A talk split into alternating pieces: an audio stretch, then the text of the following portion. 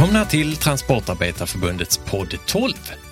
Idag har vi en mycket intressant gäst. Med oss i studion har vi Patrik Persson. Kenneth Pettersson. ordförande i avdelning 12. Välkomna! Vad gör en sån? Det är ganska mycket.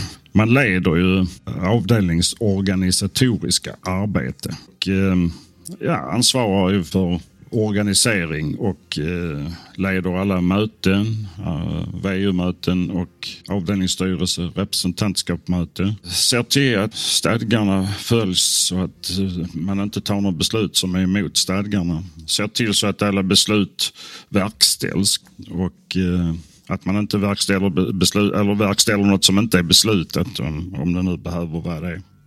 Vem är då Kenneth Pettersson? Kenneth Pettersson är en eh, man som är född och uppvuxen i Trelleborg. Har aldrig lämnat den fina staden. Föddes 1956 där, tillsammans med alla elitidrottare.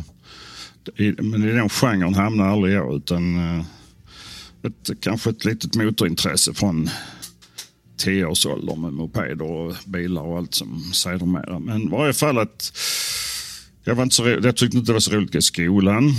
Så när jag väl hade pallrat mig igenom nian då, som var lite roligare så började jag jobba. Dagen efter jag slutade, eller slutade på fredagen, började på måndagen på en mekanisk verkstad. Jobbade där över sommaren, tyckte det var ett jävla pissjobb. Eh, eh, eh, Jag hade varit springchas under hela nian eh, på Konsum i Trelleborg. Då. Ganska roligt jobb, men det kan man liksom inte fortsätta med. i eh, Det har jag i och för sig gjort. Jag blev ju chaufför sedermera. Men i varje fall, Um, uh, jag pallrade mig igenom några månader på mekanisk verkstad. Och, eh, ackordsjobb som gav då kanske en fyra kronor i timmen ungefär. Men, ehm, den första november 72 då, så började jag på, som rätt många andra trelleborgare har gjort, jobbat på Trelleborgs Gummifabriks aktiebolag. Ja, Gummifabriken har vi hört talas om. Ja. Precis. Så där, ehm, och där, för att få jobb där så skulle man ju känna någon eller helst vara släkt med någon. Och, och, det- och det var jag ju. Jag hade ju bror och far och syster som jobbade där givetvis. Men ehm, eh, det viktigaste med att man, när man skulle börja jobba där det var att den dagen du kom dit så fick du en två dagar lång introduktion som företaget eh, erbjöd en. Och, ehm, i samma veva skulle man ha med sig ett eh, intyg från Fabriksarbetarförbundet att du var medlem där. Det var kravet för att jobba. Och det innebar ju att, eh, att från 1 november 72 så har jag varit fackligt, facklig medlem. ja, hur blev du det? Ja, man, eh, dels så var det ju ett krav för att få, få lov att börja jobba där och då fick man pallra sig upp och där Fabriks hade säga att eh, ja, jag skulle vilja bli medlem här. Och så fick man det. Och sen skötte det, det på den tiden det sköttes genom löneavdrag så att man såg ju aldrig den här, vet inte ens vad det kostar. Men. Så jag jobbade där fram till jag gjorde lumpen 76 till 77. Och när jag kom tillbaka till lumpen tyckte jag liksom, nej fy fan, jag kan inte gå på en fabrik i hela mitt liv. Så att um, kände en som jobbade på ett lager där man importerar glas och porslin. Uh, så man var en grossist i princip. Så jag sa upp mig, började på det här lagret. Och ehm, de hade en... De hade ingen lastbil själv, men de, hyrde, de hade en åkare som de hyrde in. Och han som var chaufför var fiskare. Och eh, sällan nykter när han kom. Så lagerchefen, vi var fem lagerarbetare och så lagerchefen. Och då visste han att jag hade ett intresse för bilar. Och sådär. Pettersson sa, du kan, väl, eh, du kan väl följa med Mårtensson idag och så köra bilen så det går rätt till. Ja, men okej då liksom. Hade man lastbilskort då? Nej, det behövdes inte när man körde ut sina egna varor utan då klarade man sig med B-kort. Ja, okej. Men då fick jag, det var ingen stor lastbil heller, men då fick jag liksom det här och tänkte fan. Så jag var på Arbetsförmedlingen då och tänkte då, får- då får man fan ta med söka. Det fanns ju ut, ut, utbildningar eh, på, som Arbetsförmedlingen organiserade i Furulund, då närmast eh, Trelleborg. Där man gick 13 veckor för att bli chaufför. Men då fick man kalla handen och sa nej tack, sa de, då måste man vara arbetslös. Ja, ja, men okej då. då jobbade vi vidare liksom. Men efter ett år där så kom chefen och sa att tyvärr så har vi satt firman i konkurs. Och mina kollegor de blev ledsna, men jag jippi sa jag. Så nästa morgon klockan åtta eller nio kanske när Arbetsförmedlingen öppnade sa jag, nu är jag arbetslös. Och nu, ja, men då skriver vi in dig. Men det, det kommer nog till dröja några månader sa de. Men eh, det var ju sommar då, va? juni. Så att eh, det var, det var många som var arbetslösa som inte ville gå mitt i sommaren på den här utbildningen. Så jag började den första juli tror jag, eller andra kanske, om det, beroende på vad det var för då. Och gick där i 13 veckor. Och fick då alla tunga behörigheter. Körde även, även för buss. Och direkt efter det så började jag köra distribution på Dagab. Som var rätt slitet.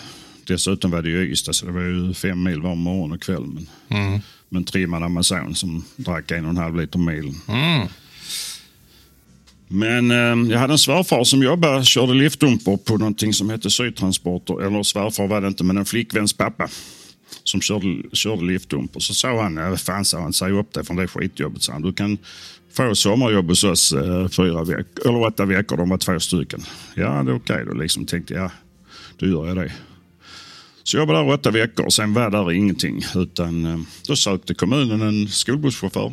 Så då hoppade jag på det. Men i slutet på november ringde de från Sydtransport och sa du, du kan få, eh, vi har ett jobb ledigt den 1 januari eller 2 januari. Så kom in och skriv på papperna. Och det gjorde jag. Och där är jag kvar, eller har min anställning kvar. Mhm. Jag har bytt namn och ägare och uniformer någon gång under årens lopp. Men... Så så ser det ut. Så jag har inte varit så orolig på arbetsmarknaden. Jag har stannat kvar. Så eh, som ordförande är du trots allt fortfarande anställd i ursprungsföretaget? Ja, jag är tjänstledig. Jag har varit ordförande sedan 2012. Och eh, då, sen dess har jag varit eh, tjänstledig. Så vartannat år efter årsmötet när jag har blivit vald så får jag gå till arbetsgivaren och få en påskrivet för två nya tjänstledighetsår. Jag tror de börjar bli rätt vana vid det här laget. ja, jag tror nog det också. Ja. Men eh, annars så... Jag har trivts bra som tusan där. och- Men mitt fackliga engagemang började faktiskt på 84, 83, 84 så hade vi, vi hade en chef som, eh, som var, kunde vara bra som fan men också jävligt eh, tråkig och eh, elak kan man väl säga. Så jag hade en kollega som sa, du sa han, det är möte på transport, eh, åkerisektionen på eh, tisdag. Ska vi inte gå dit? Jo, det gör vi. Och då i den, den sektionen var Anton Flink eh, ordförande och Kent Liljenfors sekreterare. Så att, och de hade full koll på att det kom två som inte brukar vara på mötet. Då. Trots att det var säkert en 40 pers. Jag tror det var i augusti månad. Och sånt. Så när vi skulle gå så sa Kent, nej kom här, vad är ni för några liksom? Och så berättade vi då att vi hade bekymmer. Så att eh, då tog han tag i det här. Så att kom ner på jobb. Så vi bildade en klubb i augusti 84. Och sen fick vi väl något sånär ordning på det hela. Och då kom vi upp på avdelningen som då låg på Stormgatan och blev introducerade. Sen har det rullat på sen dess. Mm, Kent Liljenfors var ju ordförande i många år i, på avdelning 12 också. Precis, han, jag tror han hann med 12 eller 14 år. Och eh, han har väl, eh, jag har varit vice ordförande under rätt många år när jag satt i styrelsen. För det blir så att man gjorde en omorganisation på avdelningen. Eh, den hette egentligen organisation 95. Som eh, skulle istället för att man hade eh, ortssektioner då i utplacerat Trelleborg, Ystad, Simrishamn, eh, Hässleholm, Eslöv. Och sen fanns det starka klubbar ju på linje, bland annat linjebuss då i Lund och Eslöv. Men då, då, då gjorde man om det för att just i Malmö så var det bara yrkessektioner. Och det härrör ifrån eh, 83 på hösten så slog man ihop eh, avdelning 35 i Malmö och avdelning 15 i Eslöv. som då blev avdelning 12. Så det blev precis eh, ett år innan jag blev fackligt engagerad. Man hör ju nu diskussion om att göra den resan igen och slå ihop lite olika avdelningar. Så är det ju. Alltså det, jag, jag, kan tänka mig att eh, från start har det ju varit en massa avdelningar som har sedermera slagits ihop under. Och idag kanske det hade varit eh, bättre att haft en Skåneavdelning men eh, det är ju lite olika. Ja, som här ute i korridoren har vi en fana som det står avdelning 225 Tummelilla. Så mm. vi, har haft, vi har haft väldigt många. Men den är från 20-talet. Så... Ja, precis. Jo, det har nog varit så att uh, det har varit jättemånga olika avdelningar. Och därför ser ju gränserna ut som de gör. Liksom att vi har södra delen av Skåne men vi har en tunga upp som täcker Hässleholm till exempel mm. i vår avdelning. Så att, uh, det är kanske inte det helt optimala. Men i varje fall, det blir ett jättemotstånd mot den här när man börjar snacka om organisation 95. För att de som eh, Eh, ja, de som var fackliga i de här kommunerna, de vill såklart inte ha det. Va? Så att det tog två år innan man var mogen att besluta att det blev en majoritet för beslutet. Så organisation 95 genomfördes vid årsmötet 97. Och då blev eh, miljöarbetarna som jag tillhör en egen sektion. Och då blev jag ordförande där. Och eh, var det sen till, till jag blev avdelningsordförande. Ja, du, du är ju eh, ordförande för hela avdelning 12. Va, vad innebär det egentligen? Ja, det, det är ju mycket. Det är ju det vi börjar med, jag sa, liksom att man leder verksamheten och sånt här. Men sen är det ju um, LO tar ju upp mycket tid. Alltså det, där, där, kommer, där kommer jättemycket. Där, där kommer ju mejl och cirkulär från förbundet och där kommer ju en jättemassor från LO. Då, um, uh, LO i distriktet i Skåne till exempel. Va? Så att, och, och ABF inte att förringa. Liksom. Så det, är, det, är ganska, det tar ju upp ganska mycket tid. LO har vi inte varit så jäkla flitiga med och deltar ju heller av mina företrädare. Eh, men när jag blev ordförande så tänkte jag ah, det här måste vi ju liksom, vi betalar rätt mycket pengar. Jag tror idag vi betalar närmare 100 000 i medlemsavgift från avdelningen till LO. Och då tänkte jag, då måste man ju vara med och påverka och ställa krav där. Ja men det är bra. Just med LO, landsorganisationen, är ju att eh, de tillhandahåller ju väldigt mycket. De har ju studieverksamhet och framförallt det här med skulle någonting hända med att vi behöver sympatiåtgärder och sånt där, det vill säga att om vi går ut i strejk på ett ställe så kanske vi kan få hjälp av något annat fackförbund för att se till så att strejken blir starkare. Och då är det ju väldigt bra att vi har en samverkan på lokal nivå också. Så att, eh... Absolut, ja. Och LO gjorde ju en, en omorganisation förra kongressen, tror jag det var, som det blev beslutat att man lämnar LO sektionerna där man hade ett antal sektioner i, i distriktet. Distriktet täcker ju hela Skåne. Och istället gjorde eh, ett LO-fack i varje kommun. Och, eh, och det innebär att det är 33 kommuner i Skåne som där finns Dock inte alla. Där är, jag tror det är två som inte har lyckats få ihop något, eh, någon, eh, alltså någon eh, som, som har en styrelse där. Men annars är det att det finns ett LO-fack i varje kommun. Så i Trelleborg där jag är bosatt och eh, så är vi ganska aktiva faktiskt. Mm, jag kan tänka det. Hur har, eh, hur har det uppdraget förändrats sen du började? Har det förändrats alls? Jag var ju ganska ovan vid det här. Alltså jag hade, även om jag hade varit ordförande i sektion, jag hade suttit med i avdelningsstyrelsen ganska många år, så jag visste ju ungefär så här. Men jag var ju ändå livrädd när jag till sist, eh, det var ju flera som tyckte att fan du bör ställa upp liksom och, till ordförandevalet. Men så var jag lite, jag trivdes jättebra på mitt jobb också så att det var ju väldigt tveeggat. Men ja, tänkte jag, jag får väl ge det en chans. Och eh, det var ju ändå en omvälvning liksom. Helt plötsligt eh, uh, sitta vid dator.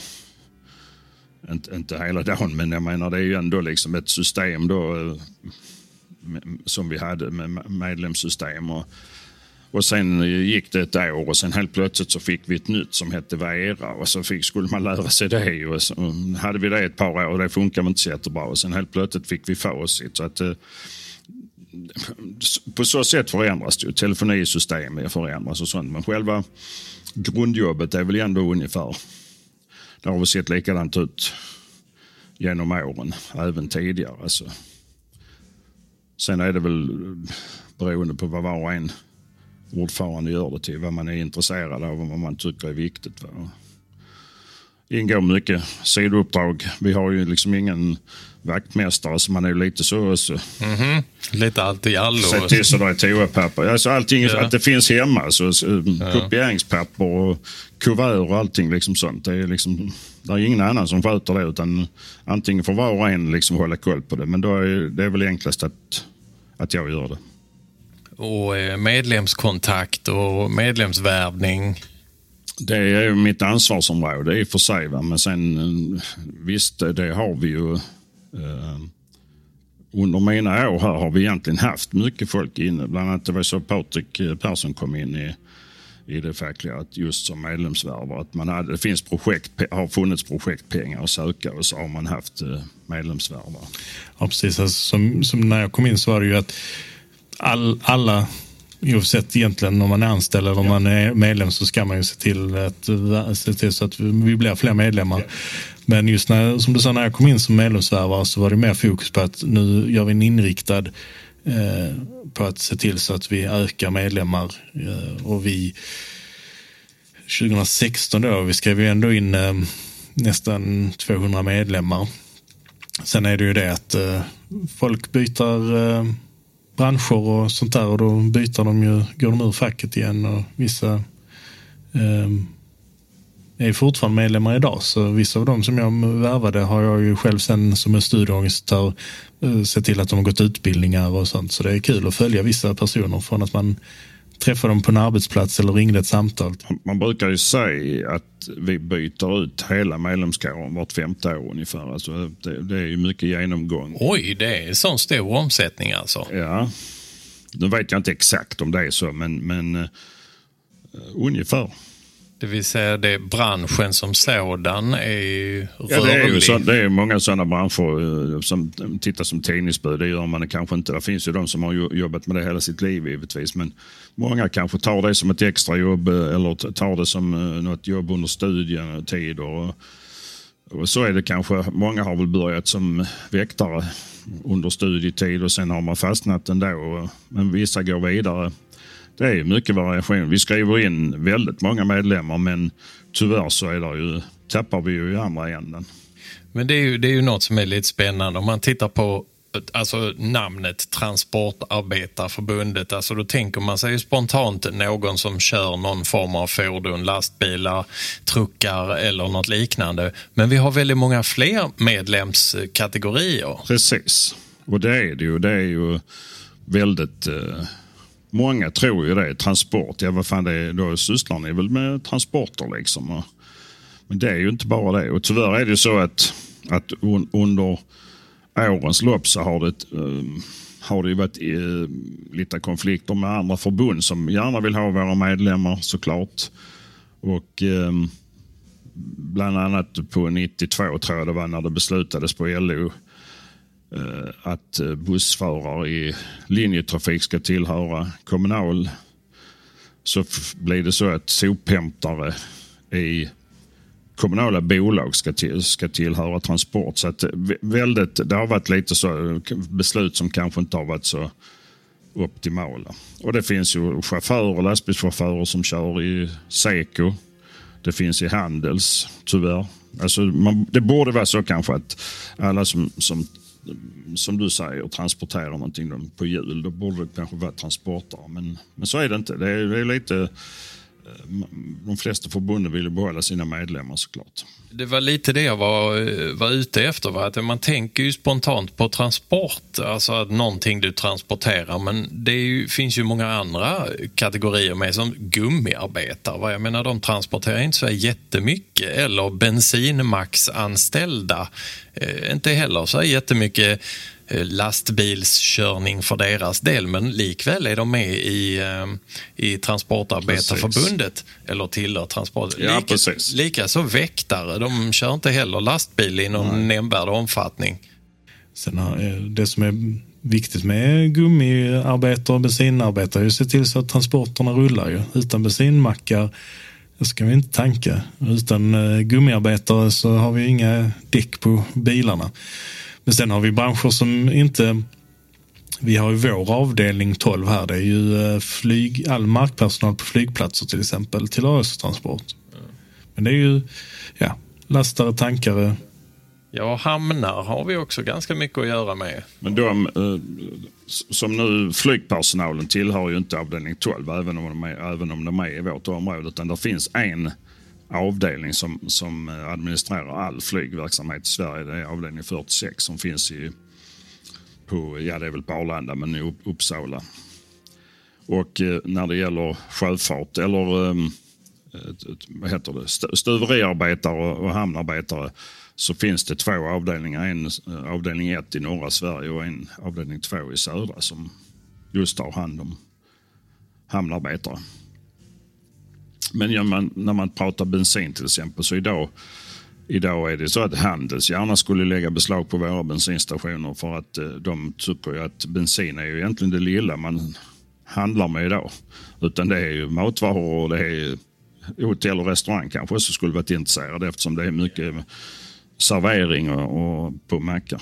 Bensinmacksväsendet har ju helt förändrats ifrån att bli nästan en mindre bilverkstad från början som sålde bensin till vad det är idag. Idag är det ju närmast någon snabbköp, eh, närbutik eh, i princip som till nöds säljer bensin. Och kanske de har någon, eh, de har ju såklart olja och sånt men det är sällan en bensinmack har någon reservdelar till, till någon bil.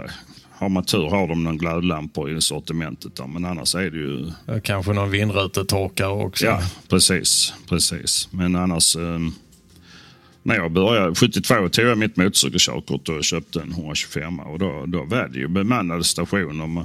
Eh, åtminstone i Trelleborg så var ett par av dem liksom att, att, att, att de till och med kom ut och tankat igen. Oj. Jajamän. Och kolla däcktrycket. Ja, det gjorde de nog inte. Det hade de nog slutat med. Men ja, okay. Kanske om man bad om det. Men, men, men uh, vi hade en BP Max som uh, där, uh, var ensam. Han kom ut och tankade. Så, och då kunde man ju... Min motorcykel, jag tror den rymde 9 liter. Så när man slog honom på reserv så kanske det gick på 7. Då var det rätt roligt att man... han kom ut och tankade och så jag ska ha. Så lämnade man en femma så fick man fem och en halv liter nästan. Ja, det är en krona litern. Ja, jag tror den kostar 92 öre. Något sånt. Man tjänar ju i och för sig eh, betydligt sämre också. Du sa det innan, typ fyra kronor i timmen. Uh, när jag var springchef på Konsum hade man, när jag blev 16 år, hade man 6,50 tror jag. Så det blev lite sämre på mekanisk verkstad, men jag tänkte ja, man får väl se om det går att jobba upp det, men det, det var inte så roligt.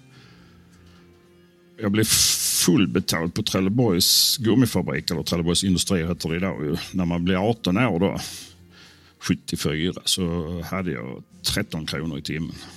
Men eh, om man då jämför med omkostnaderna så kanske 13 kronor i timmen inte var så där fruktansvärt dåligt i alla fall. Det gick att leva på. Det var mycket för mig som 18 år, bodde, bodde hos föräldrarna. Det var ju värre de som hade familj och barn. Och, kanske. Jag vet inte, jag kommer inte riktigt ihåg det. Men jag, jag, jag levde gott. Jag hade både jänkebil och tung motorcykel när jag var 18. Så att det, jag, tror att, men sen, jag tror inte jag betalade hem någonting heller. Utan mor och far stod väl för kostnaderna hemma. Så kunde jag roa mig för mina pengar. Ja, vi märker ju helt klart ett eh, tydligt motorintresse och det ligger ju faktiskt nära eh, transport. Men hur ser en vanlig dag ut för, eh, för ordföranden?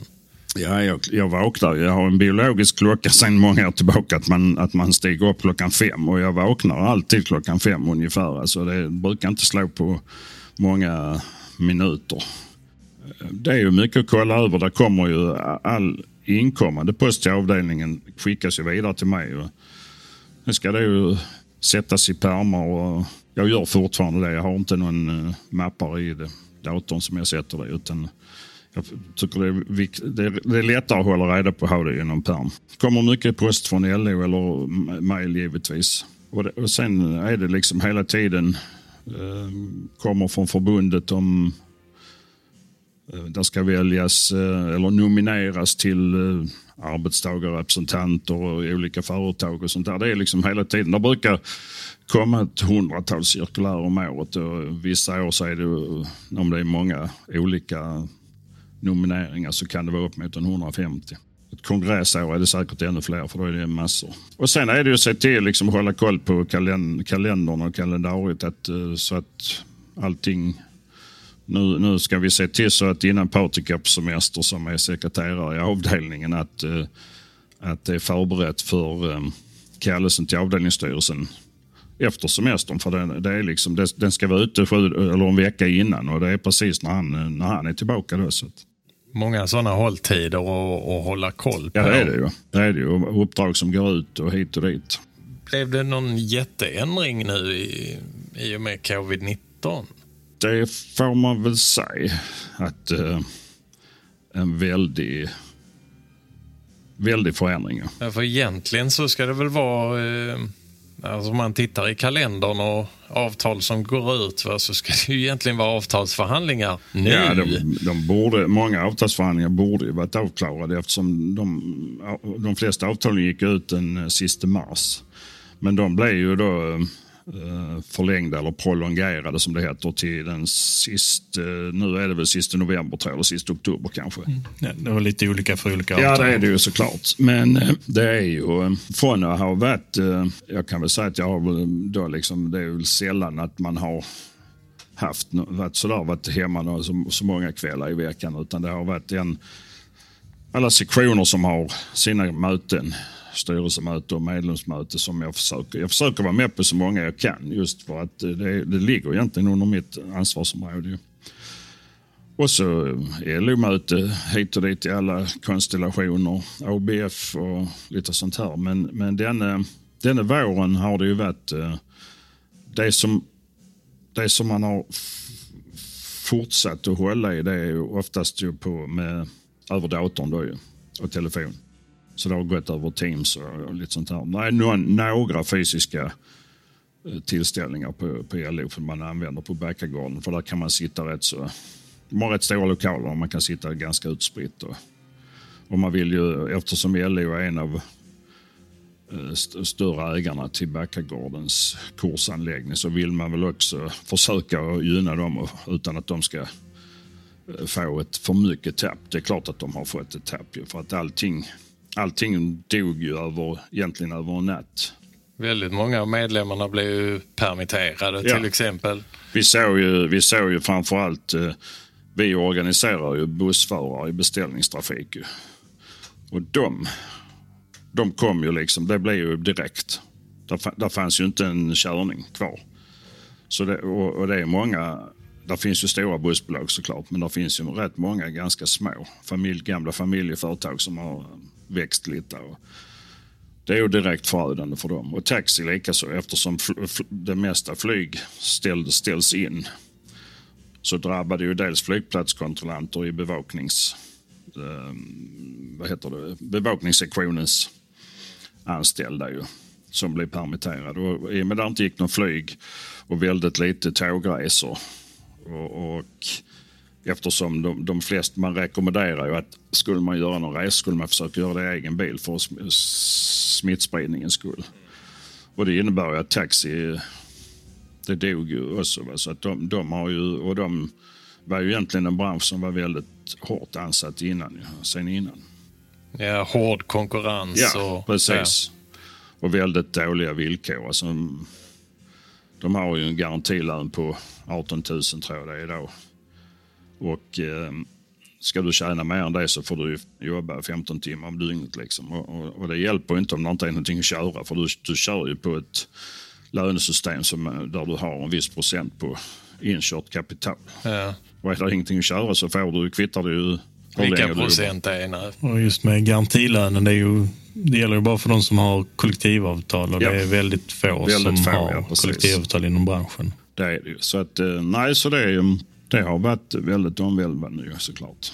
Eh, så det vi eventuellt har att se framför oss är i oktober en något kanske vinklippt avtalsförhandling. Eller det, det blir till att ladda om kanonerna och köra ordentligt. Man ser all verksamhet, eh, våra regionala skyddsombud som brukar vara ute och hålla PAM-kurser, mm, arbetsmiljökurser. Allting där för deras del har varit inställt. Så ska de risken är att det kommer att bli väldigt eh, arbetsamt om, om det nu startar upp i höst. Ju. Och, och är det då en lönerörelse, eh, avtalsrörelse i det också så kan det vara rätt tufft. Hela studieverksamheten både för LO och inom transport Precis. har ju legat på paus. Ja. Och eh, en del kurser som skulle vara nu i hösten har ju, uh, har ju fått flyttas och ställas in på grund av att avtalsrörelsen flyttas ju till hösten. Mm. Så de, uh, vissa av de centrala ombudsmännen som ska hålla avtalskurser för kollektivavtalen, ja, de är upptagna i, i avtalsförhandlingarna så då har man ju fått ställa kurserna. Så det skjuts ju framåt så vi får ju se vad som händer till nästa år om vi kan återuppta studieverksamhet och annan verksamhet som normalt igen. Eller? Det kommer att förlängas lite till kanske. Ja, vi vet ju inte faktiskt hur Nej. den här eh, covid-19, om det kommer någon returmatch på den eller hur det blir. Precis, det är ju, man ser ju de länder som, okej okay, nu har de ju varit eh, helt nedstängda men när de börjar öppna upp nu så får de ju smittspridning på vissa ställen. En del eh, USA-stater har ju fått stänga ner igen. Man ser på statistiken här att eh, den, den har ju varit uppe i en topp och dalar ju nu. Vad är det roligaste fackliga minnet du har? Detta var på någon gång på 90-talet. Eh, ja, det kan inte ha varit exakt i början för det var inte när det var som värst lågkonjunktur. Men i varje fall, vi, vi eh, förklarar för våra arbetskamrater, Håkan och jag, han, han var ordförande, jag var sekreterare i klubben att eh, ska vi kalla till förhandling om, om eh, höja lönen så måste ni sitta kvar på jobbet. För att allting fick ju ske på kvällstid eftersom eh, man kunde inte man skulle jobba sig fram till fyra och sen fick man ta det här då. Så vi tror vi kallade till möte klockan fem. Och då stannar ju alla som, i princip alla som var fackliga medlemmar, de stannar kvar. De satt i andra änden av, av eh, huset där vi bodde. Och eh, så vi förhandlade och eh, företaget stretade emot som fan. Och vi sa liksom att nu är det allvar för att alla gubbarna är kvar. De sitter i, uppe i fikarummet och de kommer inte att köra ut imorgon har de sagt om inte vi får en, en höjning av lönen. Men jag tror att det var så att en av eh, de, våra chefer smög hen och tittade ut och såg att det stod en jävla massa parkerade bilar kvar. Och då fattade de nog allvaret. Så vi lyckades att få, ehm, jag tror vi hade någonting på 40 spänn i timmen, någonting sånt på den tiden. Jag är inte helt säker, det kan ha varit lite mer. Det, har säkert varit mer, för jag, jag tror att 81 hade jag 32 spänn när man började. Vi lyckades få två kronor höjning på premiekompet. Och det, vi lyckades få inskrivet att det gäller alla som har, är med i Transport. Gubbe nummer 22, han skrev in sig morgonen därpå för han räknade ut att eh, två kronor täckte ju medlemsavgiften ju, så att det var ju bra. Men den eh, 23, han, det var av ideologiska skäl. Han skulle jävlar inte vara med i något fack. Så, så vi fick en höjning som det stod i, i, i protokollet att eh, och företaget visste precis vem som var med i facket för det var löneavdrag. Så att det drogs ju var 14 dag och halva, halva kontingenten. Så det här med att man eh, är så kallat hemlig medlem i en fackförening, det stämmer inte riktigt? Ja, det är inte då. Idag är det väl rätt ovanligt. Jag tror inte vi kan administrera. Nej, de äh, sista var tidningsbuden ja, jag tror det för tre år sedan. Och en del väkteri också då. Alltså det var ju, det, då, då kände man liksom, det går det går om man är... Om man är några stycken, ja, eller precis. rätt många. Precis. Och eh, jobbar tillsammans mot ett gemensamt ja, mål. Precis. Men det är ju egentligen kärnan i all facklig verksamhet. Sen ju, har man ju då liksom i med, jag var ju ganska tidigt förhandlingsombud. Och sen har det väl varit, eh, speciellt roligt har det väl varit någon gång när det har varit någon arbetsdagar när ja, de kan ha tappat någon körning så att det har varit någon som ska sägas upp eller helt plötsligt någon som har, de har blivit hotade med av, avsked eller något sånt där och som man har lyckats och, och vända det så att de har fått stanna kvar. Så, så, så är då, då är det rätt kul att, ehm, vara fackligt ombud på, på arbetsplatsen. när man räddar en kollega kvar eller räddar han från något annat eller vad det än är. Liksom. Så det är ganska kul. Men det låter som eh, vår ordförande har från klockan fem på morgonen har det fullt ända fram till gissningsvis eh, sju, åtta på kvällen när samtliga möten är avslutade. Det är ju så lite så och, och eh, som tur är har jag ju en fru som är har varit fackligt engagerad också och eh, numera är politiker också. Så hon har ju det hade ju nog inte funkat om, om en satt hemma och kuckelurade och så den andra var borta alltid. Utan det har ju funkat rätt så bra. Det har också gjort nu att under de senaste månaderna så har vi fått gjort ganska mycket. Vi har bott i huset som vi har nu i tio år. Hon kommenterar att vad fan, denna våren har det hänt mer än under de andra tio åren tillsammans. Och det är klart när man är, kommer hem på kvällen och, och inte har något direkt. Och, kanske ett eh, video, eller en, en Teams-möte över datorn. Liksom. Och då är det oftast, eh, är det ett fysiskt möte kan det ta tre timmar. Är det över video så tar det en timme. För det blir inget onödigt diskuterande. Utan det är liksom, många tycker det är obekvämt att prata i när man inte är på plats. Nej, men sen samtidigt så missar man ju den här sociala interaktionen absolut, absolut. som, är, som i princip är mötets kärna. Verkligen, vi, vi var ju lite, avdelning 12 var ju lite Eh, sådär att eh, det var ju redan eh, det var väl lite frågan om vårt årsmöte i 23 mars tror jag vi hade det. Något sånt att om man skulle hålla det. Och förbundets rekommendation var ju att man skulle stänga ner och inte, inte ha eh, öppet i onödan. Och man skulle skjuta på, man fick lov att skjuta på mötena fram till september. Men eh, ja, jag ringde runt till de som var ordförande och jag skickade runt till och kollade upp med alla som satt. Eh, vi var ett par stycken som ringde till alla som sitter i representantskapet. Det är ju nästan 60 personer.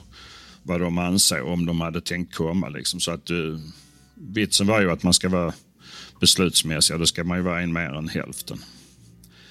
Och det visade sig och det var ju en jäkla tur för att vi fick hållit vårt årsmöte och och val och sånt här. Liksom. Så att, eh, Ja, så den demokratiska flesta, ja, processen.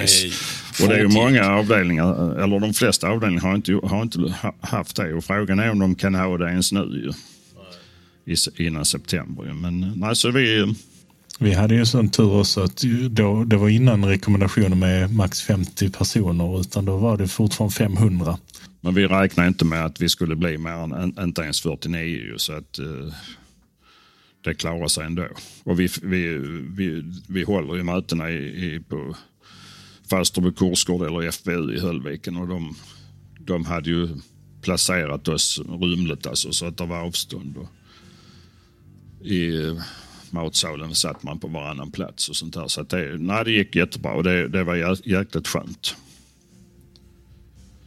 Och vi försöker ju ha öppet som, som vi kan. Alltså, sen har vi lite restriktioner att man inte kan röra sig fritt här uppe. Men, men eh, vissa avdelningar har ju helt stängt och man får ringa istället. Då. Kan ha ett bokat besök eller något sånt där. Men vi försöker ändå och, och, och ha verksamheten igång. Vi, är det någon gång medlemmarna behöver oss är det ju, är det ju nu när det är mycket, har varit mycket uppsägningar och permitteringar. Ja, det är väldigt många frågor. Ja, det är det. Precis. Så att, eh, ja, det, känns, det känns skönt faktiskt.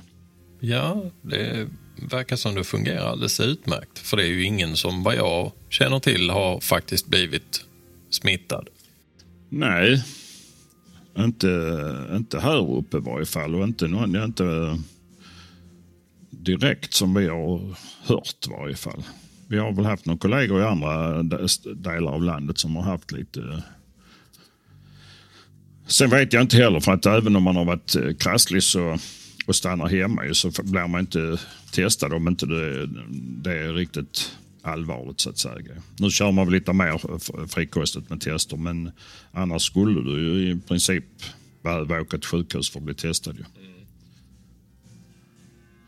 Ja, då har vi snackat lite med vår ordförande i avdelningen här, Kenneth Pettersson. Vi tackar för att du ville ta dig tid och prata med oss. Ja, tack så mycket. Det var kul. Tack. Tack. Tack. Hej. Tack.